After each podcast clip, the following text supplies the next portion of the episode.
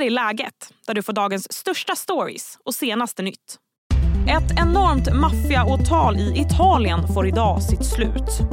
Över 300 personer som kopplas till en av de mest ökända gängen i världen ska idag få sina domar. Men hur ser egentligen maffiastrukturen ut i Italien idag? Och kan Sverige lära sig något av hur gängen bekämpas där? Idag sammanfattar vi också Janne Anderssons tid som Sveriges förbundskapten. Jag heter Sally Sjöberg.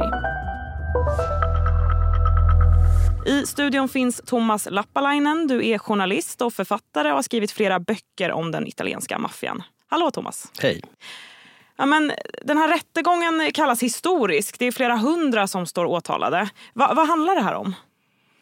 Eh, ja, att den kallas historisk det beror väl på att det är en så stor eh, rättegång. Den kan jämföras med den stora Maxiprocessen på 80-talet på Sicilien eh, som var ännu större. Men eh, det är väl ett skäl till att den är historisk. Men sen är den också, vad jag begriper, ganska inriktad på nätverken eh, i det civila samhället. Så att det är ganska mycket människor i näringsliv och eh, i offentlig sektor som eh, är åtalade eh, för att de är involverade i, i maffiakriminalitet. Så att det, det, det gör att den här rättegången sticker ut. Mm.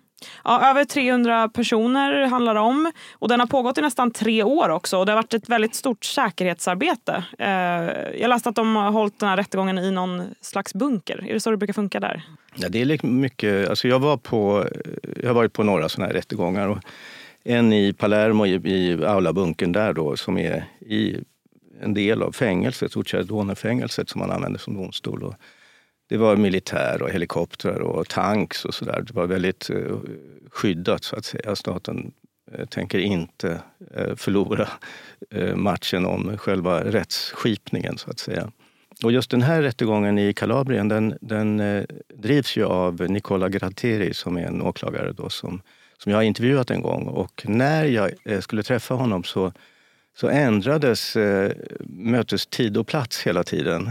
Eh, för att han Eh, har ett sånt eh, hackigt schema eftersom han har så mycket mordhot på sig. Så att han, han, alla runt omkring dem sa så här, så här är det hela tiden. Man kan, man kan liksom inte veta var och när man ska träffa honom. För det, det vet liksom inte han själv förrän när det händer ungefär. För att de, de så att säga maximera säkerheten då för att eftersom han riskerar att bli mördad. Helt enkelt. Oh, herregud. Ja.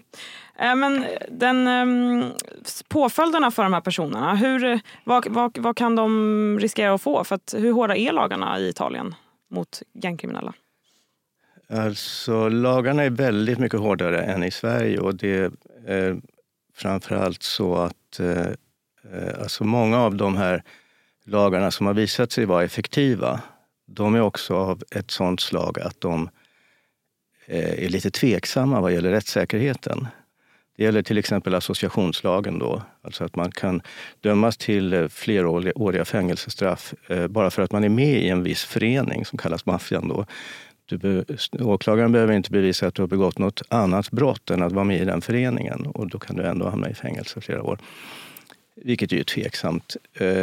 Men sen även eh, fängelse, alltså det här isoleringsstraffet som, eh, som maffiabossarna eh, döms till. Vad innebär det? Ja, det är att man blir väldigt isolerad. Alltså.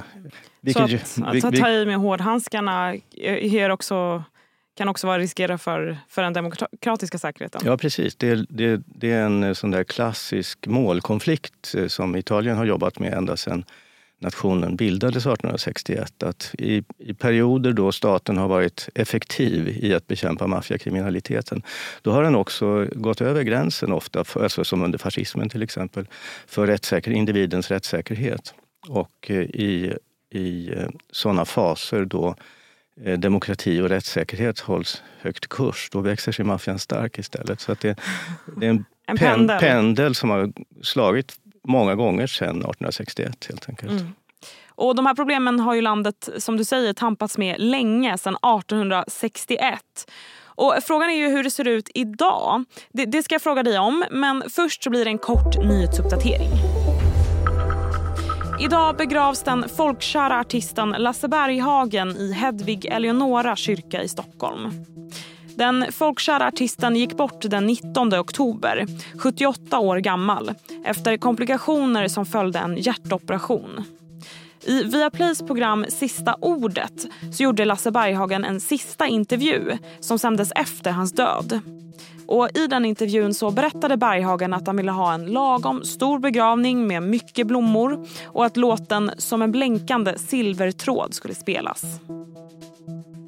Ali Esbati, Vänsterpartiets ekonomisk-politiska talesperson och en av partiets mest profilerade politiker skriver i ett inlägg på sociala medier att han lämnar riksdagen nästa år. Han anger familjeskäl bakom beslutet eftersom hans dotter bor i Oslo och han vill ha mer tid med henne. Och den som ska ersätta Esbati i riksdagen blir Andreas Manrikes. Han har tidigare ersatt Nooshi Dadgostar i riksdagen under en period då hon var föräldraledig. Igår kväll så fick polisen i Bohuslän in ett samtal om att en mataffär i Brastad saknade ett 30-tal julgranar. Men granarna var inte helt borta. De hade placerats ut på bland annat butikens tak, i en busskur och i en rondell. Enligt inringaren ska det ha varit en grupp ungdomar som tog med sig granarna från butiken. Men när polisen kom till platsen så var ingen kvar. Däremot är tre personer i 15-årsåldern nu misstänkta. Hej, Ulf Kristersson här. På många sätt är det en mörk tid vi lever i. Men nu tar vi ett stort steg för att göra Sverige till en tryggare och säkrare plats. Sverige är nu medlem i Nato. En för alla, alla för en. Vi är specialister på det vi gör, precis som du. Därför försäkrar vi på Swedea bara småföretag, som ditt. För oss är små företag alltid större än stora och vår företagsförsäkring anpassar sig helt efter firmans förutsättningar. Gå in på swedea.se företag och jämför själv.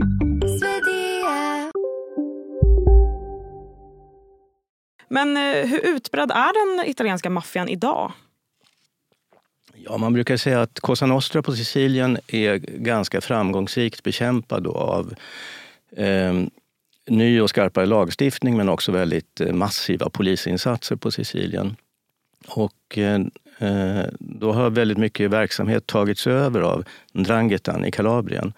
Eh, lite grann i skuggan av det stora intresset för Sicilien och Cosa Nostra. Men också för att eh, den är organiserad på ett annat sätt. Den, den, är, den går eh, eh via blodsband i högre grad. Medan alltså även på Sicilien så kallas en maffiafamilj familj, fast det är ingen biologisk familj, utan det kallas så. Och det är för att öka solidariteten inom gruppen, för att svek är alltid en stor risk i den här verksamheten. Medan i Kalabrien då så är, eh, är organisationsmönstret går via blodsband och då är det mycket svårare att få fram tjallare.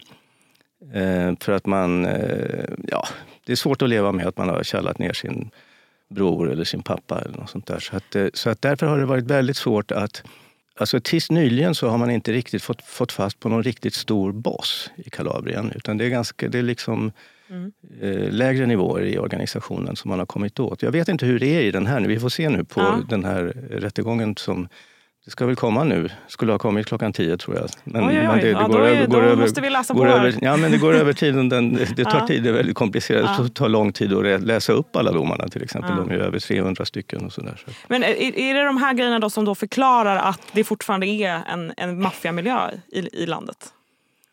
Eh, det som förklarar det är väl, eh, det är många saker, men den stora saken som Eh, det är att, att, det, att det finns en väldigt... Alltså det, är en, det är en kultur av väldigt massiv misstro mot staten i södra Italien. Så att, eh, eh jag menar, det är klart att det finns en eh, folklig opinion mot maffian och det är väldigt många människor som är hederliga och sådär. Men det är ändå så att de här organisationerna lever i ett, i ett civilsamhälle som är eh, där den här maffiakriminaliteten är, är eh, organiskt in, inkopplad med, med det här civilsamhället. Och det finns många solidariteter. Alltså när, eh, när polisen ska haffa en Camorra-boss så händer det flera gånger att flera hundra människor kommer ut och försöker hindra polisen att arrestera den här bossen. I Sverige här så har vi också en del problematik med gängen. Södertälje brukar ibland jämföras med, med lite av den struktur man ser i Italien. Kan, kan Sverige lära sig någonting av, av hur det funkar där och hur vi kan råda bot på problemen här? Ja, men säkert. Absolut. Eh, inte minst eh, lagstiftningsmässigt då. Eh, men också på ett sånt sätt att, att eh, de misstag som man har begått i Italien kring vissa lagar, till exempel eh, den här lagen som, som gör att den som kallar får ett kortare straff den lagen är tillämpas ju både i USA och Italien och det finns ju en diskussion om att införa den i Sverige också.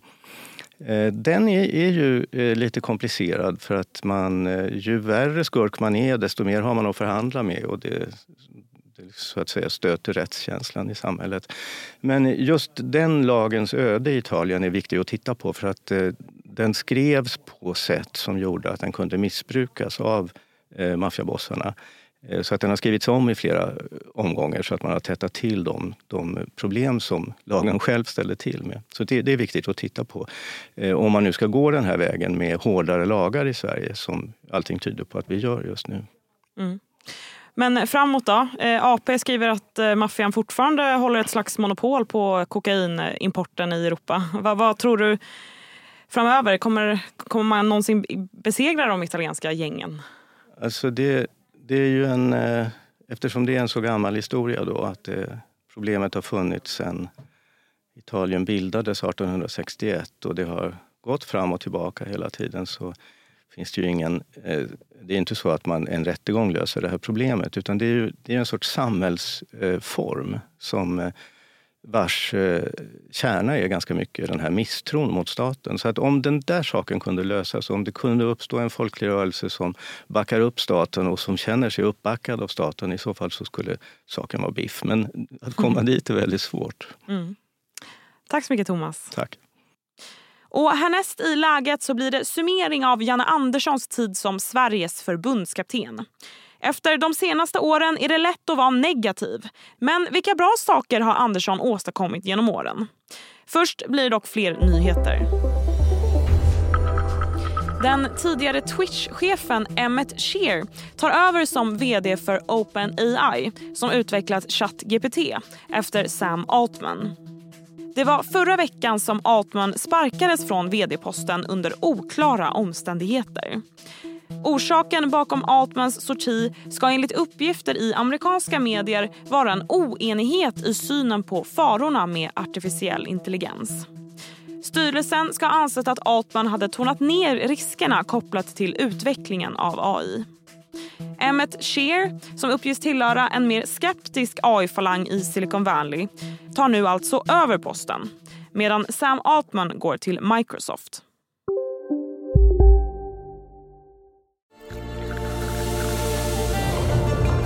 Välkommen till Maccafé på utvalda McDonalds restauranger med Baristakaffe till rimligt pris. Vad sägs om en latte eller cappuccino för bara 35 kronor? Alltid gjorda av våra utbildade baristor.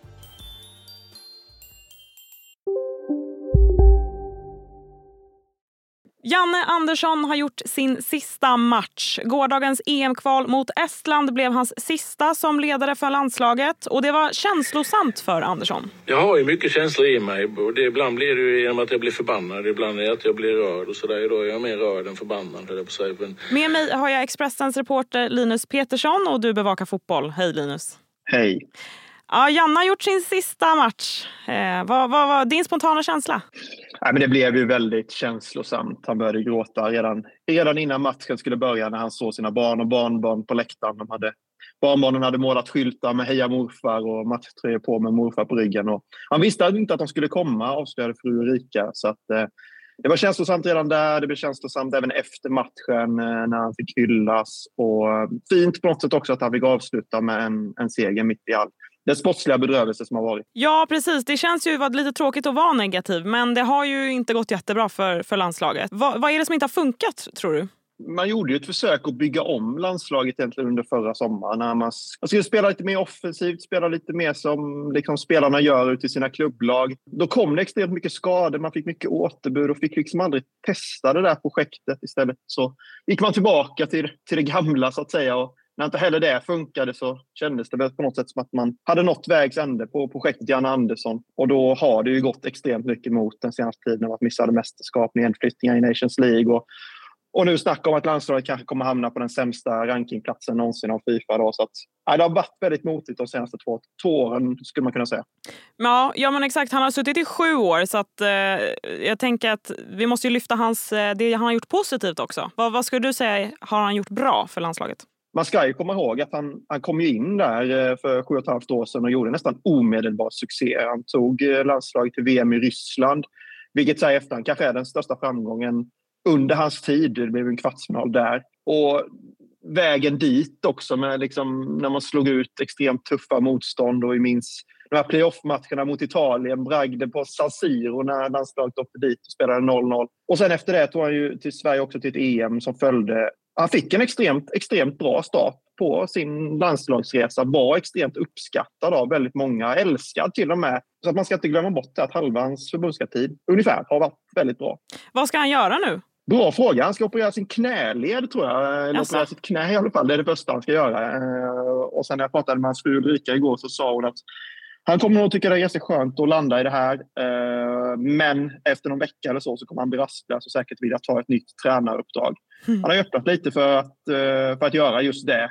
Han kommer nog inte landa i Sverige någonstans i allsvenskan utan han kommer nog hamna utomlands tror jag. Det känns som att det är det han vill testa på nu. Men framåt då för svenska landslaget. Vem, vem tror du kommer in och vad behövs för att vi ska bli det bästa laget någonsin igen? Ja, det har vi kanske oh, aldrig varit. Ja, du. Nej, det har vi väl aldrig varit. Men nu är vi ju det sämsta vi någonsin har varit. Så det kan ju bara, kan ju bara gå uppåt härifrån. Ja. Nej, men det är extremt svårt. Och jag tycker väl inte att det finns någon så här jättetydlig och självklar kandidat. Det gjorde det kanske inte när Jan Andersson tillsattes heller. Han var inte ens, inte ens en av favoriterna på den tiden. Så det blir till att gräva djupt här nu för förbundet för att hitta rätt person. Uh, framförallt så behövs det väl någon som kan ja, men ta landslaget in i framtiden. Vi har extremt många skickliga offensiva spelare i det här landslaget. Och Janne har kanske inte riktigt kunnat få ut max av dem. Han har alltid varit en skicklig lagbyggare men, men med en annan typ av spelare. Han hade ju Marcus Berg, Ola Toivonen, Gustav Svensson. Lite mer den typen av gammalmodig svenska spelare. Nu har vi mer skickliga offensiva tekniska spelare som vi behöver hitta en förbundskapten som kan få ut mycket mer av. Det tror jag är det viktigaste rent sportsligt. Mm. Vi får se hur det blir och hoppas på det bästa. Tack så mycket Linus. Tack. Och det var allt för idag. Läget kommer ju ut varje vardag så se till att du följer podden så missar du inga avsnitt. Tack för att du har lyssnat. Du har lyssnat på en podd från Expressen. Ansvarig utgivare är Klas Granström.